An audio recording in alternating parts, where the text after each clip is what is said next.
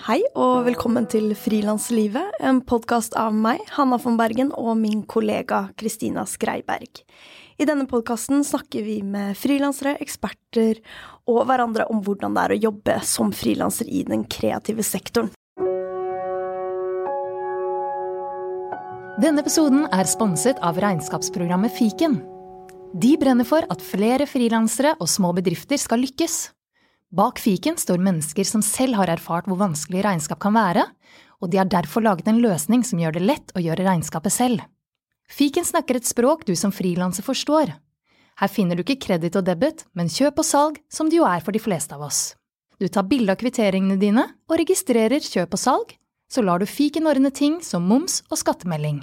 Prøv gratis, da vel. Du får 30 dager gratis på fiken.no. I dag så har jeg besøk av Ruben Steinum. Jeg er styreleder for UKS, Unge Kunstneres Samfunn. Som er både en fagpolitisk interesseorganisasjon for kunstnere og et galleri for samtidskunst. Og vi skal snakke om boken Å leve av kunsten. Om kunstneres arbeidsvilkår og myten om den frie frilanser. Det er en bok av Astrid Hauge Rambøll, og som er laget i samarbeid med Marianne Hørum og Ruben Steinum.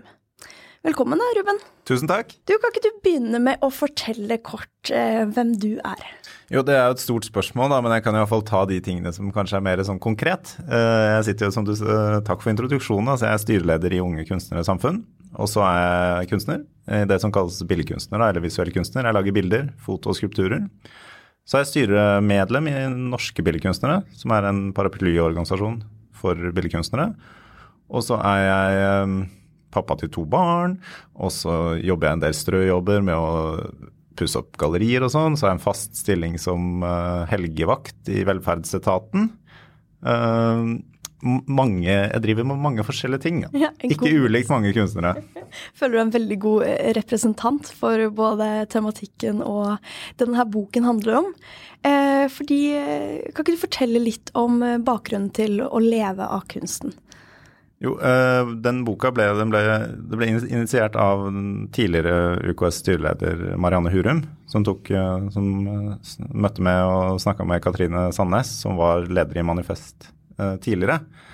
og Det er et par år siden de begynte den samtalen her om behovet for å virkelig få synliggjort og løfta og gitt en ordentlig god tilstandsrapport for kunstnerne, og ikke minst om å koble de på, på måte, tendenser i det øvrige arbeidsmarkedet. Og så fikk vi med oss eh, fantastiske Astrid på laget, eh, og så ble den boka til. Og så lanserte vi den da eh, rett før sommeren. Hva handler boka om? Den handler jo veldig kort fortalt om å synliggjøre hvordan det er å skulle leve av kunsten, og hvorfor det ikke er sånn at man kan leve av kunsten i dag. Boka er jo det er, det er en situasjonsbeskrivelse, og, og den, eh, den, viser jo det er, det er, en grim virkelighet for kunstnerne. altså De tjener ikke penger, men vi tjener også så lite at det mange ganger kan bli vanskelig å, å få, få, folk til å ta det seriøst og forstå at dette faktisk er de profesjonelle utøverne. Mm, for du nevner bl.a. den laveste gruppa som har minus eh, minusinntekt mm, per år. Når du taper penger på å være kunstner hvert bidige år, så og selv de som, hvis man skulle snakke om de, liksom som, de som virkelig makser ut og drar inn masse penger, når de allikevel er på 250 000 ca., så er vi så lavt altså at, det, at det er vanskelig for folk å uh, innse at dette dette er, realiteten for de profesjonelle. Og det er der jeg tenker at vi prøver hele tiden å få, få dette frem, og få, få, folk til å forstå at det er, det er ikke det er ikke noen tall som inneholder liksom et, en haug med hobbykunstnere. Altså, dette er realiteten for de profesjonelle kunstnerne. De tjener ikke penger på kunsten. Altså, det, et, det, det klare flertall av kunstnere lever ikke av å være kunstner. Og det som kanskje er slående Det er gjort mange undersøkelser av det, bl.a. en sånn kunstnerundersøkelse som, ble, som heter Kunstnerundersøkelsen 2013, som var den siste. Og fra 2006 da, så kunne man se at uh, inntektene ikke var bare lave, men de gikk nedover. Altså De hadde en negativ utvikling på 10% i samme periode som resten av de fleste i Norge hadde en økning på 25% Og det er liksom det virkelig alvorlige som vi mente at her trenger vi virkelig å få løfta det og synliggjort hvordan kunstnerne jobber og hvor lite de tjener. Og du snakker mye om kunstnere som en sånn fellesbetegnelse i denne boken. Hvilke kunstnergrupper er det snakk om? Jeg, eh, jeg, kan jo mest om de som kalles de visuelle kunstnerne, altså malere, tegnere og fotografer og uh, skulptører og sånn, men den undersøkelsen tar jo for seg alle, altså både skripenter og scenekunstnere, skuespillere, musikere, komponister, og også, også designere og interiørarkitekter. De pleier jo vi å snakke om som en egen gruppe, fordi de har en annen tilknytning til arbeidslivet, og, litt, og derfor ser man også i undersøkelsen at de er litt annerledes. Så de pleier ikke jeg å fokusere så mye på, mm. men de er med i undersøkelsen.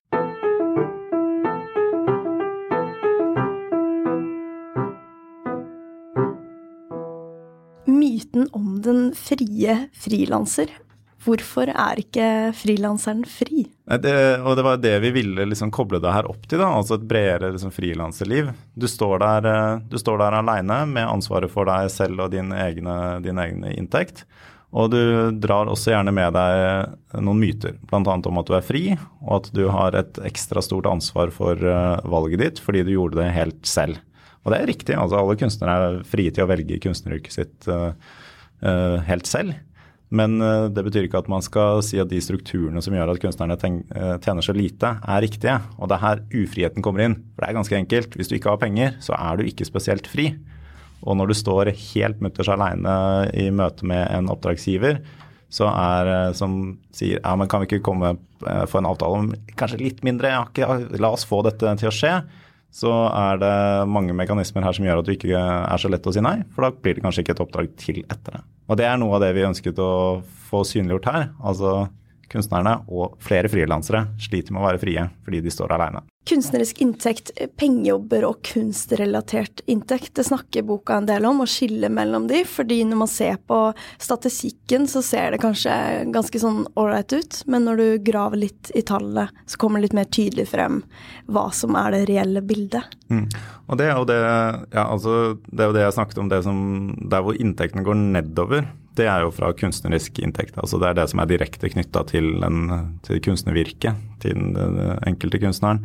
Eh, de har jo mer inntekter fra andre jobber, og også det som er relatert, altså undervisning, foredrag eller den type ting.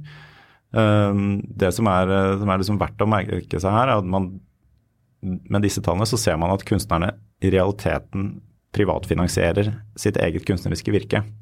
Altså Den kunsten som alle i landet får ta glede av, den finansieres i største del da av enkeltpersonenes andre jobber. Mm. Og, det, og, det, og, det, tenker jeg det er noe som kanskje mange burde få vite. Fordi eh, det glemmer man gjerne når man snakker om, som vi også snakker om, da, offentlighetens ansvar. Eller fellesskapets ansvar, som vi uh, mener at, uh, at, det er. Da. Altså at man, den frie kunsten er et felles ansvar som fordrer et uh, det er en felles eie da, som fordrer et felles ansvar. Uh, som vi mener at man må få bredere synlighet for. Mm. Og det er en ting som ikke kommer opp så veldig ofte i hva skal man si, intervjuer man leser eller samtaler man hører, hører på, det her med pengejobbene. Og jeg har jo snakka med flere frilansere i denne podkasten som da snakker om at de passer katter, jobber på ja, forskjellige i helsevesenet, eh, og har de her såkalte pengejobbene. Og jeg leste i boka at det står at to tredjedeler av kunstnere tjener også penger på eh, kunstnerisk tilknyttet arbeid, og litt over halvparten av kunstnere henter også deler av sin inntekt fra ikke-kunstnerisk arbeid. Eh, så står det også at i snitt bruker kunstnere 70% av tiden sin på kunstarbeid. Det er jo ganske interessant. Ja, og det, det viser jo at altså til tross for at inntektene i størst grad kommer fra andre jobber. Som jeg selv sa, da, jeg er jo en av de. Jeg jobber i velferdsetaten her i Oslo. Og, men jeg bruker jo mest tid på det kunstneriske. Altså, øh, og, øh, og, det er jo en, et, på en måte enkelt regnestykke. Altså, her er det noen som ikke betaler for det de får. Uh, og det er, og det er jo det, det er liksom lærdommen som kunstnerne nå har La oss si vi har 100 år med såkalt på en måte fri kunst uh, i verdenshistorien. Og vi har da, kunstnerne har 100 års erfaring med å være uh, selvstendig næringsdrivende mer eller mindre ufrivillig. Og det er tydelig at i løpet av de årene så har vi ikke klart å løse det som er det store problemet. Altså hvordan er det du skal få betalt for noe som mange anser for å være både det viktigste i livet, men også det som kanskje er mest unnselig, og som, vi, som de som driver med, ikke nødvendigvis trenger å få betalt for å drive med.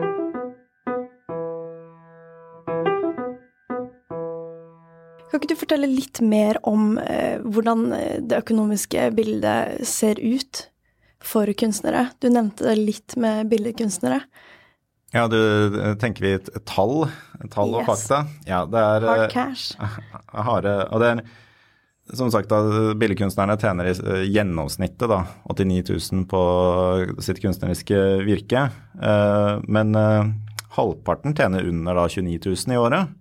Og de som tjener dårligst, de taper jo penger hvert eneste år. Altså de taper De har negativ inntekt på 7000 så har vi den fjerdedelen som tjener absolutt mest, da de ligger på rundt 250 000 i året. Det er, det er jo det som er, eh, som er, tydelig her, at det er behov for, eh, for mye mer konkrete grep. Altså det finnes, Man har noen avtaler fra gamle dager eh, bl.a. om at man skal få vederlag når man stiller ut ved offentlig finansierte institusjoner i Norge, men det blir ikke fulgt. Altså Man har undersøkt at det er, det er vel betalt omtrent en tredjedel av det man skulle betale i forhold til en avtale som egentlig ikke er så spesielt god for billedkunstnerne. Mm, men altså, avtale i forhold til uh... I forhold til uh, en avtale mellom kunstnerorganisasjonen og det offentlige.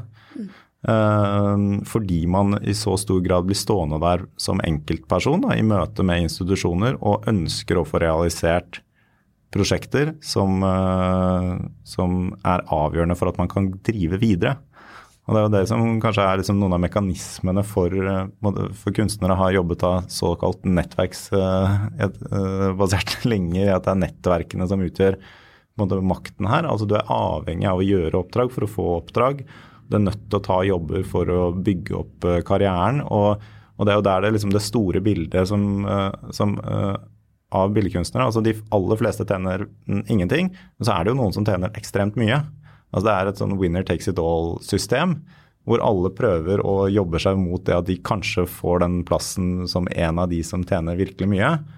Men realiteten er at de aller fleste opprettholder hele dette systemet og gjør det kunsten tilgjengelig for folk. Og vi lager rett og slett det kunstlivet som uh, er med på å lage det kunstlivet som alle har glede av. Men man betaler ikke for det arbeidet. Og det er jo kanskje noen som sitter og tenker da ja ja, men eh, man har jo, man har jo valgt det sjæl. Eh, skal man eh, Skal alle kunne leve av sin hobby, i anførselstegn? Og hva er, måte, hva er de vanligste fordommene i denne debatten? Du er jo inne på den vanligste, altså hvorvidt de som uh, uh, Man skal leve av hobbyen sin.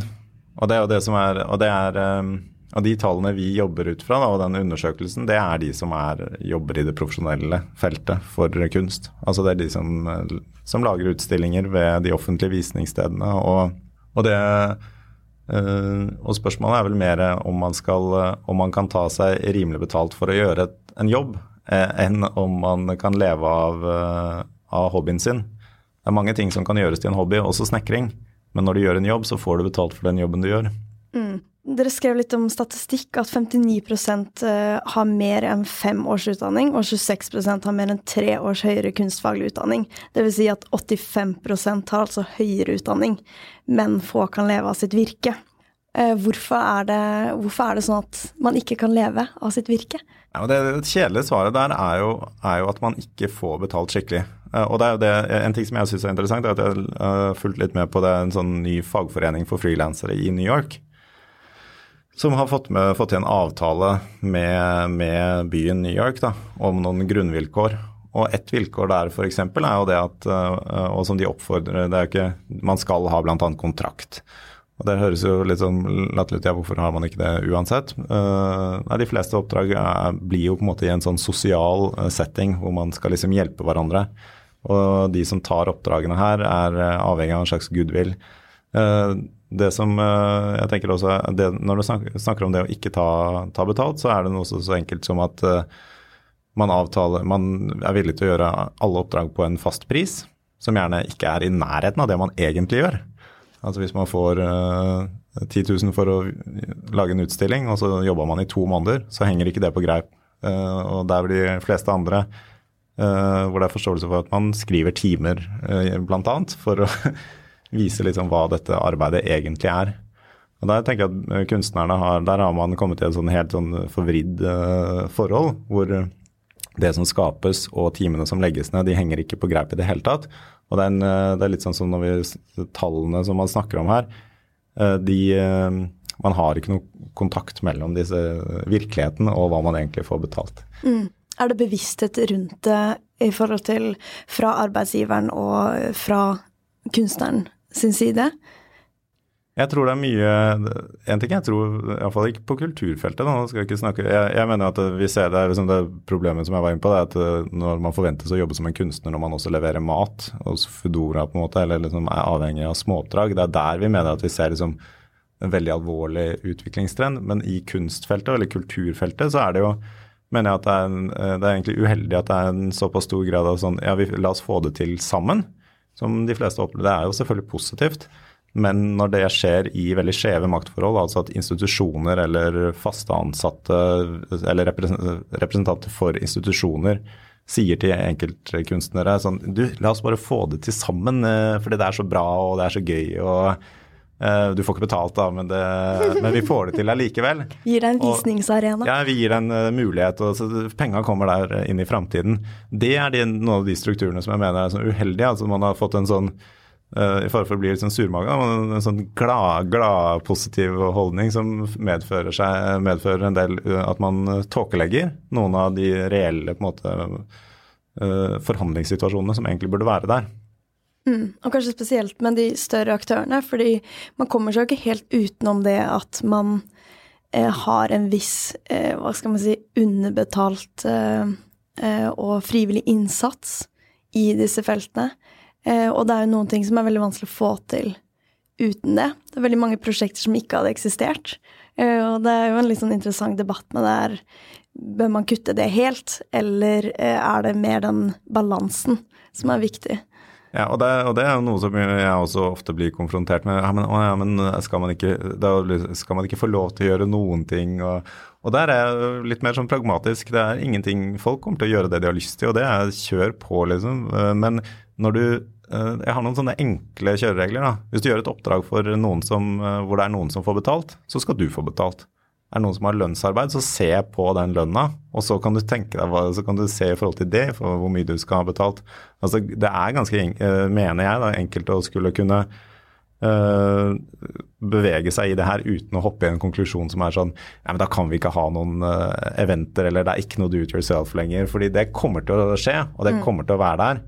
Men det går an å se på hvem du samarbeider med, og se i forhold til om du skal ha betalt. Når det er sagt, da, så er det jo akkurat i disse situasjonene her at det er krevende. Fordi det er en sånn holdning hvor man skal få til ting sammen. Og det drar seg med over i større og større institusjoner som heller ikke betaler. Mm. Og så er det litt snakk om risikofordeling. I musikk så er det jo eh, veldig vanlig at man selv betaler for å ha eh, venuen man spiller på. Eh, og det er veldig vanskelig å på en måte oppnå MFO sine satser for eh, eh, hva er det, sånn rundt 4300 per musiker per konsert.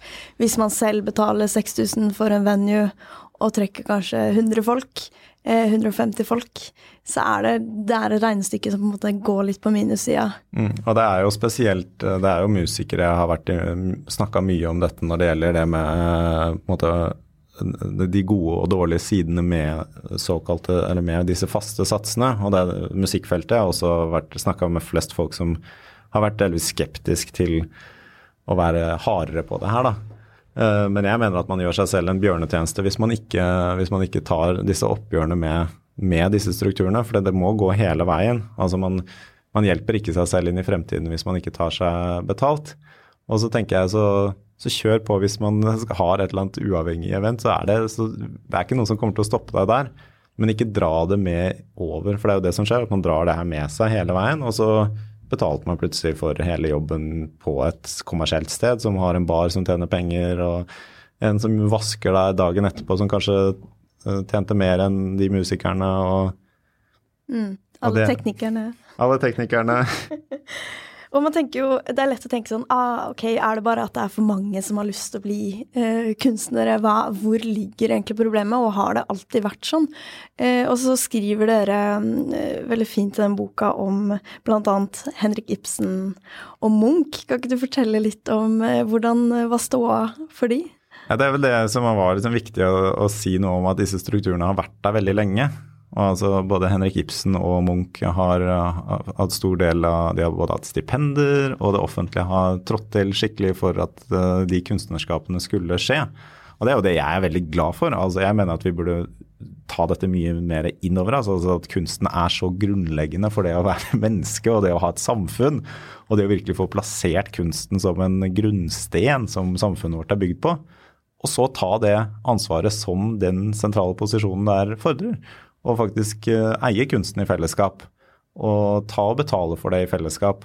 Uh, og for det, det, kunne man se, det har vi kunnet se langt tilbake, det har lønt seg. Og det har gitt uh, avkastning, som det heter, da, kulturelt og menneskelig og refleksjonsmessig. Og det tror jeg kommer bare til å være viktigere også fremover.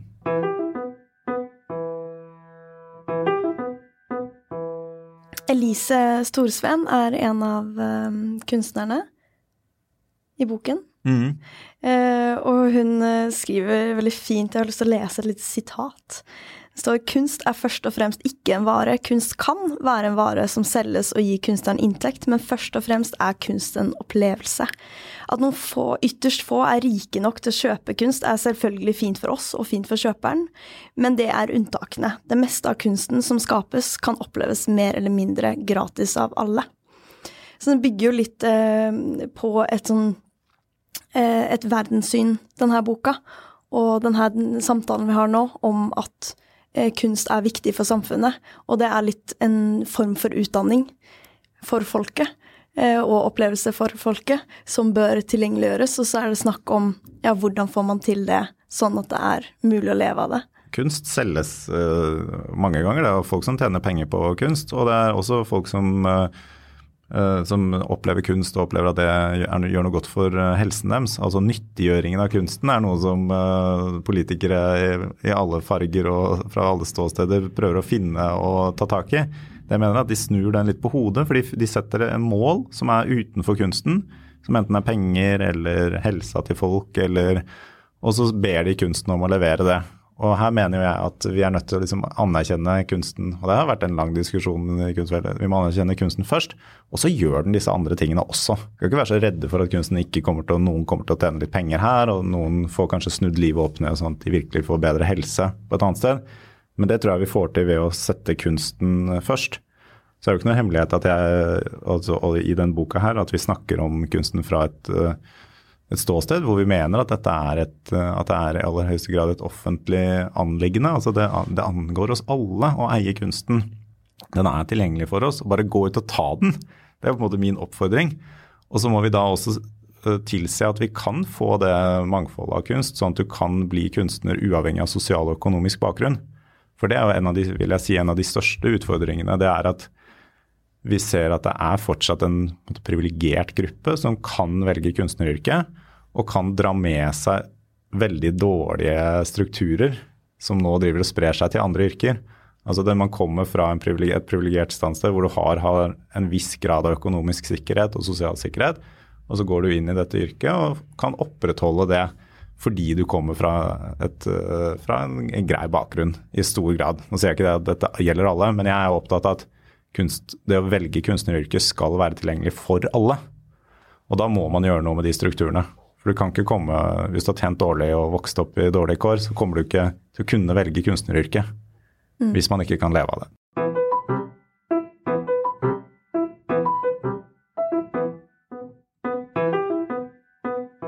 Det er et av problemene med at man er, når man er, står alene da, og man jobber med noe som uh, folk uh, som jeg, jeg, jeg, er ikke noe redd for det. Jeg vet at folk setter veldig stor pris på kunst i sitt liv, og så kan man alltid piske opp noen sånne diskusjoner om den og den kunstarten og sjangeren og den smale kunsten der og den poeten der. Og så veit jeg at de aller fleste de ser på bilder og de får erfaringer av det, og de er kanskje ikke nødvendigvis alltid så bevisste. De ser på en eller annen TV-serie.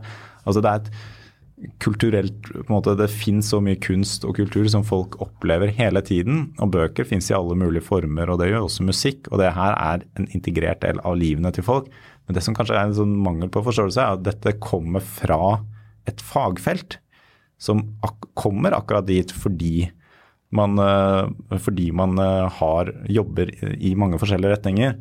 Og det var sånn uh, liksom fjollete, da, men du kan si at liksom uh, en musiker som Astrid S. da.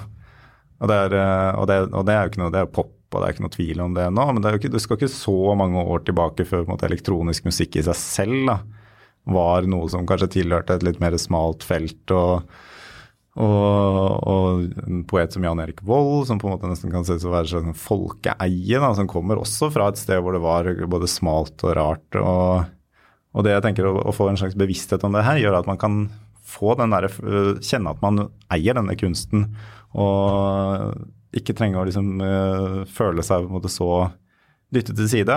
Og da kommer og, at det er noe som du ikke får tilgang på. Og da kommer jeg til et poeng, og det er jeg mener at man skal ha tilgang på det, og man må eksponeres for det, og der er skolen. Altså at, man, at kunsten dyttes ut av skolen er et, er et samfunnsproblem som, vi, som, man må ta tak i. Altså det må ha en like naturlig del i grunnutdannelsen uh, med kunsten som når Norge driver med sin form for uh, internasjonal eksponering av Munch, eller hva det er nå de snakker om når man er rundt. For mm. der er stoltheten på topp, ja. og så må man ta det med hele veien. Jeg føler noen ganger på, det er bare min egen personlige eh, mening, at eh, nordmenn noen gang kan se på kunst og kultur som en sånn nice to have, istedenfor en slags need to have. Um, og, og, også det med skole, og hvor mye det blir prioritert med realfag versus da kunstneriske fag. Jeg er helt enig, og man kan si at uh, jeg, er jo ikke så naiv at jeg, sånn, man må ha uh, tak over hodet, og det er visse behov som skal dekkes uh, for å leve på denne jorda. Men de aller fleste av de behovene er vi så privilegerte at vi har dekket veldig godt her i dette landet. Men jeg tenker at man, man fortsatt må da i større grad uh, snakke om denne kunsten ikke som noe som skal velges inn eller ut, men bare vi har drevet, mennesker har drevet med det her alltid. Altså, det er ikke noe nytt at vi lager kunst. Altså, det, er, det, er, noe veldig grunnleggende for, for, det å være menneske. Og det å kunne ta med seg den innsikten der og bare si sånn ja, ja, vi trenger ikke diskutere det lenger. For da kan vi begynne å diskutere om faktiske vilkår og det å kunne leve av noe og det å kunne velge et yrke.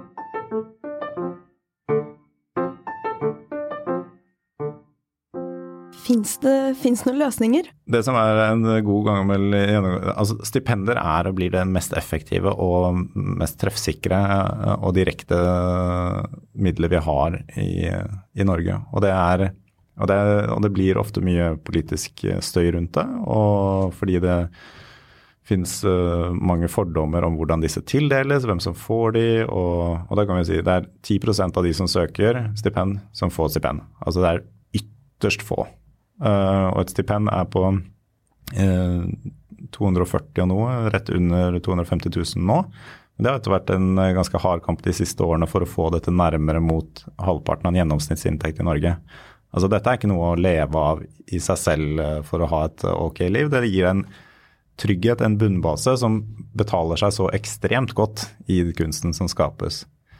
Så det, det er jo et av de tiltakene vi var veldig klare på, at det, må opp og det må stabiliseres på 50% sånn at det fortsetter. Fordi på 60-tallet så var det nærmere 80 mm. av, prosent av en gjennomsnittsinntekt, og så har det vært en salderingspost på forskjellig vis i veldig, veldig mange år siden det. Uh, men nå er det viktig at man uh, forstår hvor effektivt tiltak det er. Fordi det går direkte til kunstneren, og det gir kunst til, til alle. Og så er det det andre som handler om, om betaling når man gjør oppdrag. Og det er Eh, og der trenger man tøffere, mener jeg, tøffere organisering. Så man må stå sammen for å kunne forhandle om, om hva man skal få betalt. Vi har sett det i mange nok år nå, at det å stå alene som aktør i møte med forskjellige institusjoner, så, så kommer du ikke til å klare og du kommer til å tape. Og der er det jeg går tilbake til den der spredningen i feltet. altså Det er alltids noen som er de som får mest betalt, som fortsatt også vil klare å få mest betalt i de situasjonene. Men den bredden av det feltet som faktisk er grunnlaget for disse få, der, eh, der er det et uh, diametralt annet bilde. Hvor man ikke tar seg betalt og ikke får betalt. Mm. Når du sier står sammen, eh, kan du utdype litt? Ja, det er ganske enkelt. Jeg mener at det, det er avgjørende at man organiserer seg. Og at man uh, skaper Det finnes jo masse fagforeninger for kunstnere i Norge, og jeg er jo representant for det, representant for det selv. Så for at dette skal bli medlemsrekruttering, så mener jeg at det er et helt klart det er et av de beste og mest effektive tiltakene for å komme i en forhandlingssituasjon. Men til og med det er jo litt vanskelig for kunstnerne. fordi øh, det er jo de aller fleste som øh, Når man tjener så lite, da, så blir selv det å organisere seg det blir en terskel. Og det er Et eksempel var en kompis av meg som fortalte. Han, han er vel øh, organisert i det som er Komponistforeningen. Da. Og da kan man, litt sånn som vanlige arbeidstakere, så blir kontingenten liksom trukket fra lønna, eller det han da er av inntektene, da. Men det han sitter, sitter med, er jo at det kommer en regning fordi toneinntektene hans er såpass lave, så får han denne regningen allikevel, da, som blir tung å betale, og han har liksom falt inn og ut av det medlemskapet. Mm. Og Det er noe også billedkunstnere ser. ikke sant? Når, når, du tjener såpass lite, så blir til og med det å få organisert seg på en skikkelig måte bli en utfordring. Uh, og, og, der er det avgjørende at man får tatt grep, sånn at man i det minste har nok til å, til å klare å holde seg organisert. For det, det mener jeg det, det gjør det bedre fremover, selv om hver av de regningene kanskje oppleves litt urimelig. Ja, og det er jo Jeg er medlem av MFO. Eh, nå gjør jeg mye andre ting utover å spille musikk. Jeg syns også det er veldig viktig at man organiserer seg. Og der blir det jo litt sånn egenansvar også i forhold til å oppdatere seg hva, eh, hva eh, innebærer det å være medlem hvilke fordeler har man, hvordan kan man på en måte styrke den relasjonen, da, mm. som meg som frilanser til fagorganisasjonen. For jeg syns også det ligger det er, Jeg husker ikke akkurat, men det ligger mellom 400 og 500 kroner i måneden, som jeg syns blir en del da, i forhold til andre ting. Jeg har f.eks. kutta noe treningsmedlemskap pga. økonomi i perioder. Um, så der er det jo veldig viktig at man også ser fordelene og ser viktigheten av det. Ja, og det jeg tenker at det er kanskje viktig når det gjelder, når man snakker om organisering, da, så er det jo ofte sant, så jobber de fleste med, Når det er snakk om de faste ansettelser, så jobber man jo med, med Det er en lang det er en lang kamp som har pågått, og det er en kamp, men det, da snakker du om tariffer og den type ting. Det som kanskje er tydelig for liksom frilansere, eller spesielt for kunstnerne, er at det å være organisert, det peker veldig mye det peker fremover så vel som bakover i tid enn og ikke, og ikke alltid nødvendigvis det året man er i. Og det er det jeg tenker at er viktig for kunstnerne å på en måte få en dyp forståelse for. At det å være organisert, det handler om å anerkjenne alle de mulighetene man har gjennom veldig, veldig mange år kjempa frem, og også for å si inn i fremtiden at de skal opprettholdes og det skal videreutvikles. Og, og det er kanskje der hvor organisering er, ser litt annerledes ut for kunstnere enn for andre lønnstakere. Mm. Så bli organisert, folkens. Gjør det.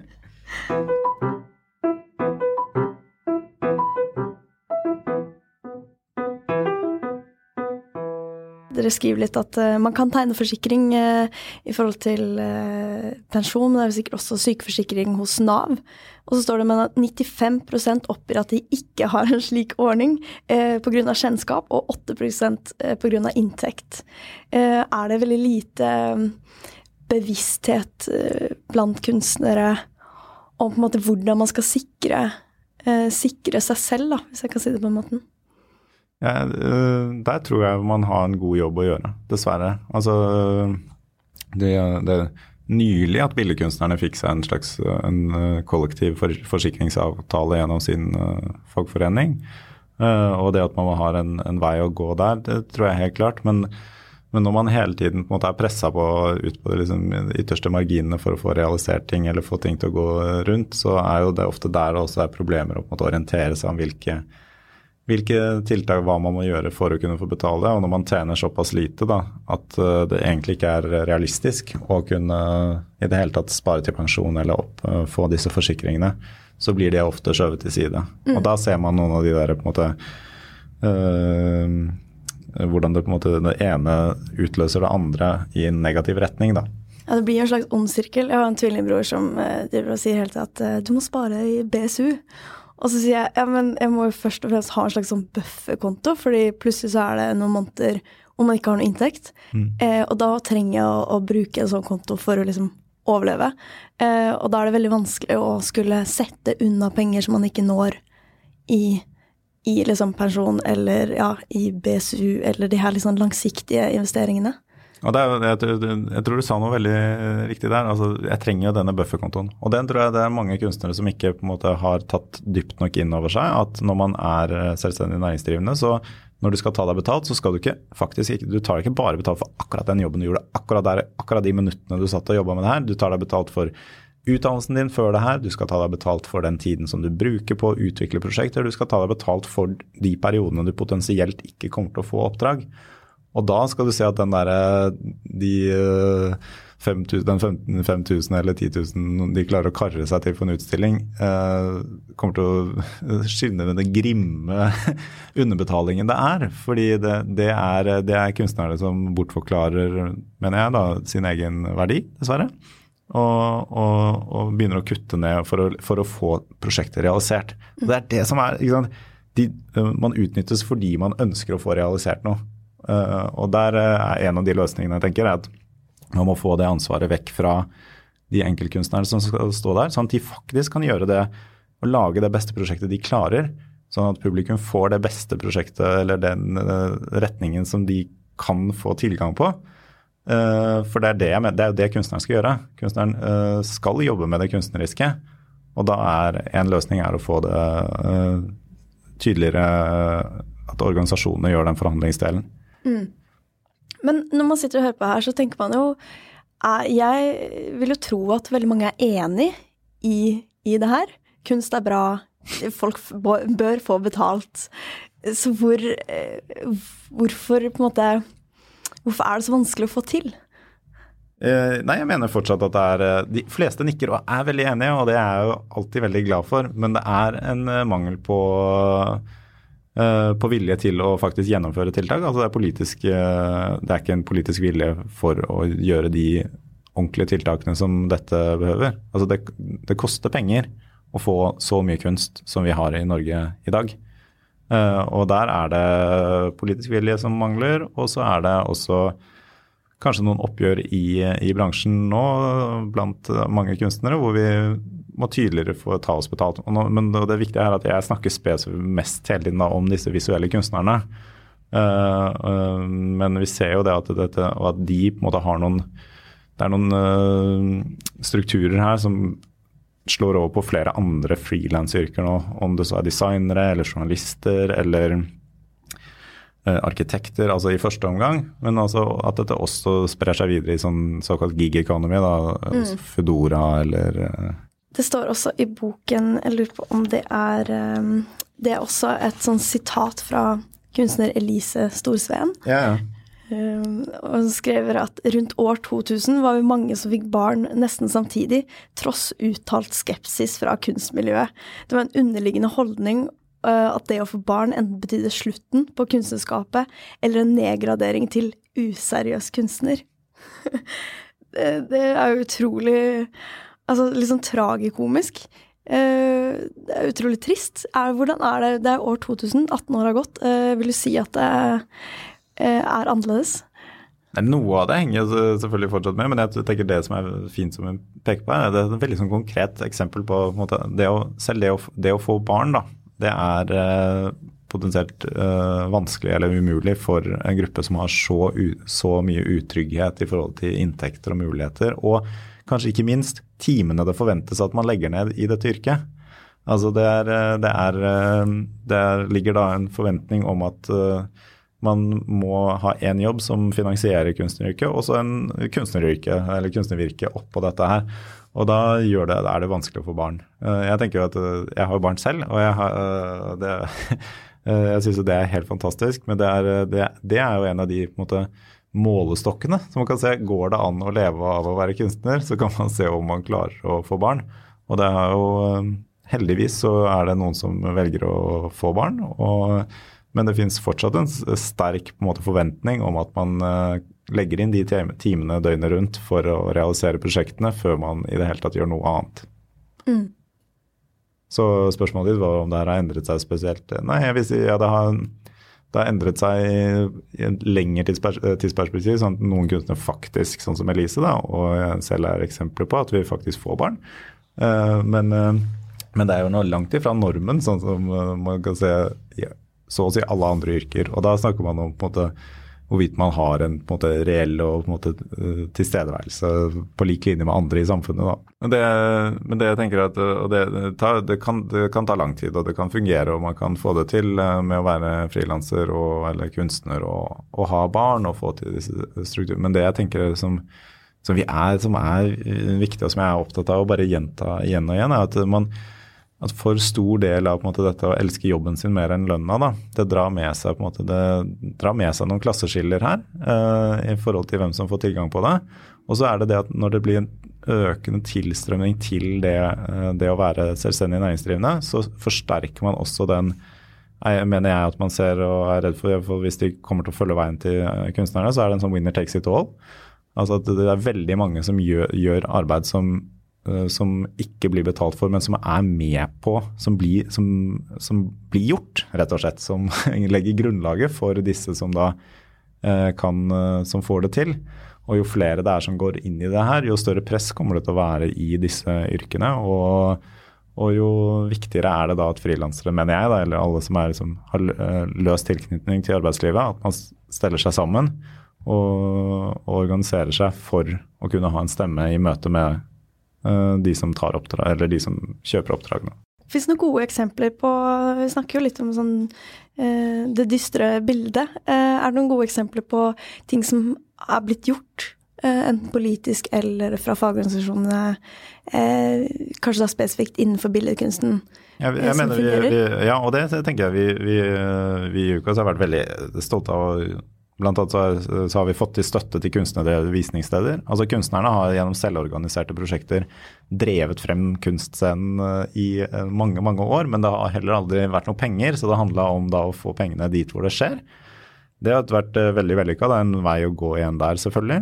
Uh, assistenter blir uh, aldri betalt, uh, eller sjelden betalt. Der har vi fått inn en eh, ordning hvor kunstnere kan ansette i ordinære ansettelsesforhold for et år en assistent. Det gir både din kunstnerens forassistent og assistenten en eh, trygghet til å, å virkelig å satse og kunne få en grei lønn. Um, man har jo sett dette som kalles basisfinansiering for kunstnere. Det tenker jeg også er en veldig god måte å kombinere uh, reelle prosjekter som da går over lang tid, sånn at man unngår det at man hugger det ned til mindre og mindre prosjekter, men at man rett og slett satser på kunstnerne og lar de utvikle prosjekter over lang tid. Uh, og det, burde, det, er både noe som jeg mener at billedkunstfeltet, altså dette finnes hovedsakelig på scenekunstfeltet, men det krysser det er litt sånn crossover-ting her. Men både for billedkunstfeltet og for filmfeltet så mener jeg at dette er en måte å bygge opp måte, de, det som man kan vel snakke om nye stemmer, eller å gi den dybdemuligheten, sånn som prosjektstøtter og sånn ikke er lagt opp til nå.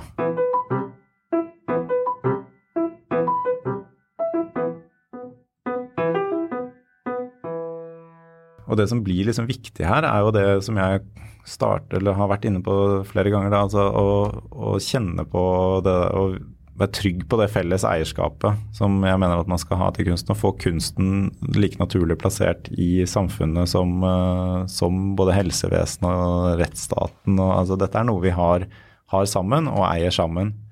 Og så ut fra det så må man ta, ta, disse grepene som jeg har vært inne på, som er egentlig ganske enkle. Man må få betalt når man gjør noe når man gjør et arbeid. Uh, og, og, det er jo kanskje det som er det absurde her, at vi fortsatt er, vi fortsatt er der. Og så kunne jeg snakket om veldig spesifikke ordninger og kulturråd og sånn, men det er jo ikke det som er hovedtanken her, tenker jeg. Det handler om hvordan er vi organisert, sånn at vi får betalt for den jobben vi gjør. Og jeg har lyst til å bare lese opp eh, en liten del eh, av boken som dere avslutter med, som jeg syns oppsummerer det og er veldig fin. Her står det Forestillingen om den frie kunstneren ligger til grunn for myten om den lykkelige frilanseren, slik hun gjerne blir fremstilt av dem som i dag ønsker seg et mer fleksibelt arbeidsliv. Altså et arbeidsliv hvor arbeidsgiverne kan slippe å påta seg ansvar, avgifter og pensjonsutgifter for dem som utfører arbeid for dem. Men frilanserne er ofte ikke så lykkelige når vi undersøker saken nærmere, og kunstnerne er ikke så fri som vi liker å tro. Er du blakk, er du ikke fri. Er du blakk, blir du fort en slave av løpende oppdrag, og er du en slave av løpende oppdrag, er sjansen stor for at du ikke lenger rekker å være kunstner, og da vil du brått verken være fri eller kunstner. Ja, Det er harde saker. tusen takk for at du kom. Du, tusen takk for at jeg fikk komme. Likte det du hørte, så setter vi utrolig pris på om du har lyst til å dele det med andre frilanskolleger. Det betyr masse for podkasten og for muligheten vår til å fortsette å lage bra innhold.